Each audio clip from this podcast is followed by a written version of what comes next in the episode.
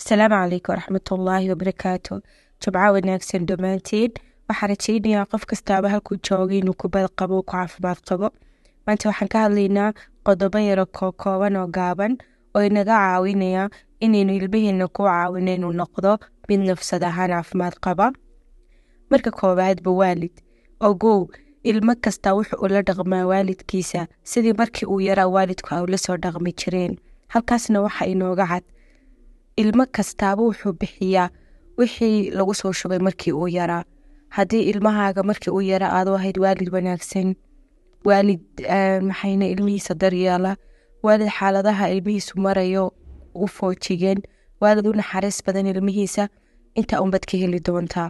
Marka haddii aad ahayd waalid intuu dhalay ilmihii aaminsan keliyaatayna ubadka loo dhalo inuu ubadkaasi hadhow toolo ku anfaco oo waxna siiyey seexiyeyna meel cuntona ka dhargiyey laakiin aan badqabkiisa nafeed ka warqabin ilmahaasi hadhow toole waxa kaaga soo bixi doona waxaana jifileyn ilaahay bayn ka magan galnay. Marka waalid markasta ku foojignow inaad noqotid qofka isagu bilaabaya naxariista iyo jacaylka aan shuruudda lahayn daryeelka ilmahaaga la saaxiibka iyo hubinta inuu ilmahaagu nafsiyan bad qabo qodobka koobaad waxa weyaan ilmuhu waa inuu ogaadaa sababta loo ciqaabayo markuu qalad sameeyo. Tani waxay ka caawin doontaa ilmaha yar marka uu qalad sameynayaba inuu ogyahay qaladka ciqaabta ka dhalan doonta cos an effect wixii uu sameeyey sababta uu sameeyey iyo waa inuu ogyahay waxa uu sameeyey waxa ka dhalan doona oo ah ciqaab. Waa qalad iyo dembi weyn ina ubadka lagu ciqaabo wax aanay ogeyn waxa ka dhalan doona. Amaba aanay ku baraarugsanayn mushkiladii keeni karta qaladka uu sameeyey. Waa dembi weyn in ubadka lagu ciqaabo dembigii uu sameeyey. Ciqaab xadkiisu ay ka badan tahay intaa marka marka koobaad marka ilmaha la ciqaabayo waa inuu ilmahaasi ogaada sababta loo ciqaabayo. Taasina waxay ku xiran tahay da kasta oo maraya ilmahaasi iyo sida uu la falgelayo ciqaabtaas. Waxa waajib ah inuu ilmuhu dareemo jacaylka waalidkiisa oo bilaa shuruud ah. Waa waajib in aad waalid ilmahaaga dareensiisid jacayl dhaba. Maalin kasta u sheegtid intii karaankaaga inaad jeceshahay oo aad laabta gelisid oo aad wuxuu dareemayo ka warhaysid waa in ilmuhu dareema in uu muhiim yahay nolosha waalidkiis waa inaad ilmahaaga u sheegi kartaa guriga isagu inuu qurxiyey farxadda guriga inay isaga tahay.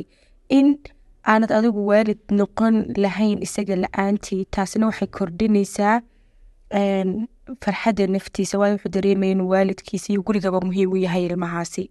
Hadhow bulshada markuu soo dhex galana wuxuu noqon doonaa qof nafsad ahaan badqaba oo aan bulshadii dhibaato la dhex iman waayo qofku wixii uu waayey wuxuu isku daya inta badan inuu bulshada ka dhex helo.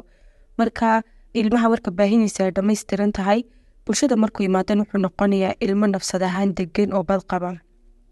Waa in ilmuhu kor loo qaada kalsoonida naftiisa xataa hadday ilmaha marka horeba kalsoonidiisa ama hiqadiisu ay hooseyso waa inuu waalidku ku dhiirigeliya inuu kor u qaada ilmahaas. Hadduu ilmahaas tusaale ahaan oo kale cayayaanka gurigo kale ka boqo waa inuu waalidku idhaahda isku daymaamo.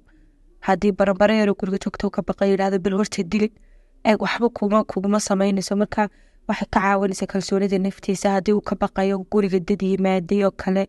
Uu yidhaahdo waa habaryarta ama waa idada ama waa abtiga ama waa adeerka kaali salaan marka taasi waxay ku dhiirigelinaysaa ilmaha inuu kalsoonidiisa kor u qaado waa in ilmaha lagu beeraa qaadida mas'uuliyadda naftiisa waa inuu ilmahaasi naftiisa mas'uul ka noqdaa haddii uu toban sano jir yahay waa inuu isagu dharkiisa diyaarsan karaa waa inuu dharkiisa xiran karaa waa inuu dooran karaa dharka uu maanta xiranayo.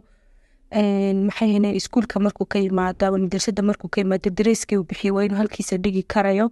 Sidoo kale waa in ilmaha lagu barbaariya qaadida mas'uuliyadda bulsho ilmahaas markuu guriga kuu joogo mas'uuliyaddii waad ku barbaarisay dibadda markuu kaaga baxana waa inuu ilmahaasi fahaysan yahay oo aad ku barbaarin kartaa inuu magaranaysayo roolkii uu bulshada ku dhex lahaa uu qabto masaajid hadduu joogo masaajidka haddii wax dhex yaalan uu ka dhex qaadi karo dibadda markuu baxo laba qofoo laba ubadoo isaga ka yaro isleynaya hadduu arko inuu kala maslixo magaranaysaye uu dhex galo uu heshiisiiyo maxayna haddii imaadatul adaa can dariiq haddii qodax ama magaranaysa wax dariiqa dhibaato ka way ay jirto inuu ka qaado marka taasina mas'uuliyaddii bulsho ayaad ku kobcinaysaa ilmaha.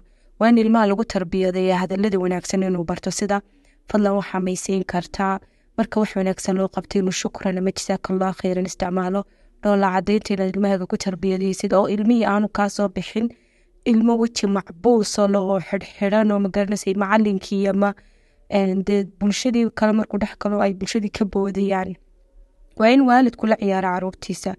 Ciyaartaasina kolba da-da ilmahaasi marayo. Ay waa in la ogaadaa da-da ku haboon ciyaarta ku haboon da-da ilmahaasi marayo. Shaqada waa in aan loo kala fadalin inama iyo hablo. Haddii kale hadha waxaan arki doonaa hablo badan oo ka cabanaya in waktigii ay yaraayeen waalidkooga dulmin jireen because of shaqada guriga iyagaa qaban jiray dhammaanteed marka waa in inamada iyo hablaha si cadaaladi ku jirto wixii guriga caawimaada laga qabanayo ay ka wada qabtaan si aynu uga qeyb qaadano badqabka nafeed ee ubadkeena. Waa in inanka loo sheegi kara in walaashii caawiyo inaan iyada waajib ku hayn isaga u shaqaysa laakiin xisaan iyo walaalnima isaga waxaan ugu qabanayso. Waxyaabaha aadka u muhiimka ah tawaafuq nafsiga ama ilmahaagu inuu caafimaad ahaan nafsad ahaan badqabo keeniya waxaa ka mid ah ballantuu waalidku qaado inuu sideeda u oofiyo waa dembi weyn in ilmo yar oo saddex jira ama laba jira oo aad dhashaa tirahda nacnaa baan kuu keeni hadhow gurigii markaad soo gasho isaguyo ku sugaya nacnacii sugaya. Magaranaysa aad ku tirahdid kuuma sido.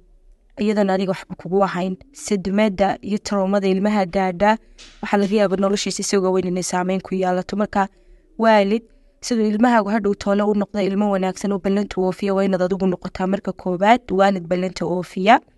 Waa in ilmaha la siiyo fursad uu ku cabiri karo dareenkiisa si kalsooni leh. Ilmuhu hadduu qalad galo waa in inta la soo fadhiisiya lahahdo maxaa maxaa u samaysay qaladkan? Waay marka waa inuu si dareen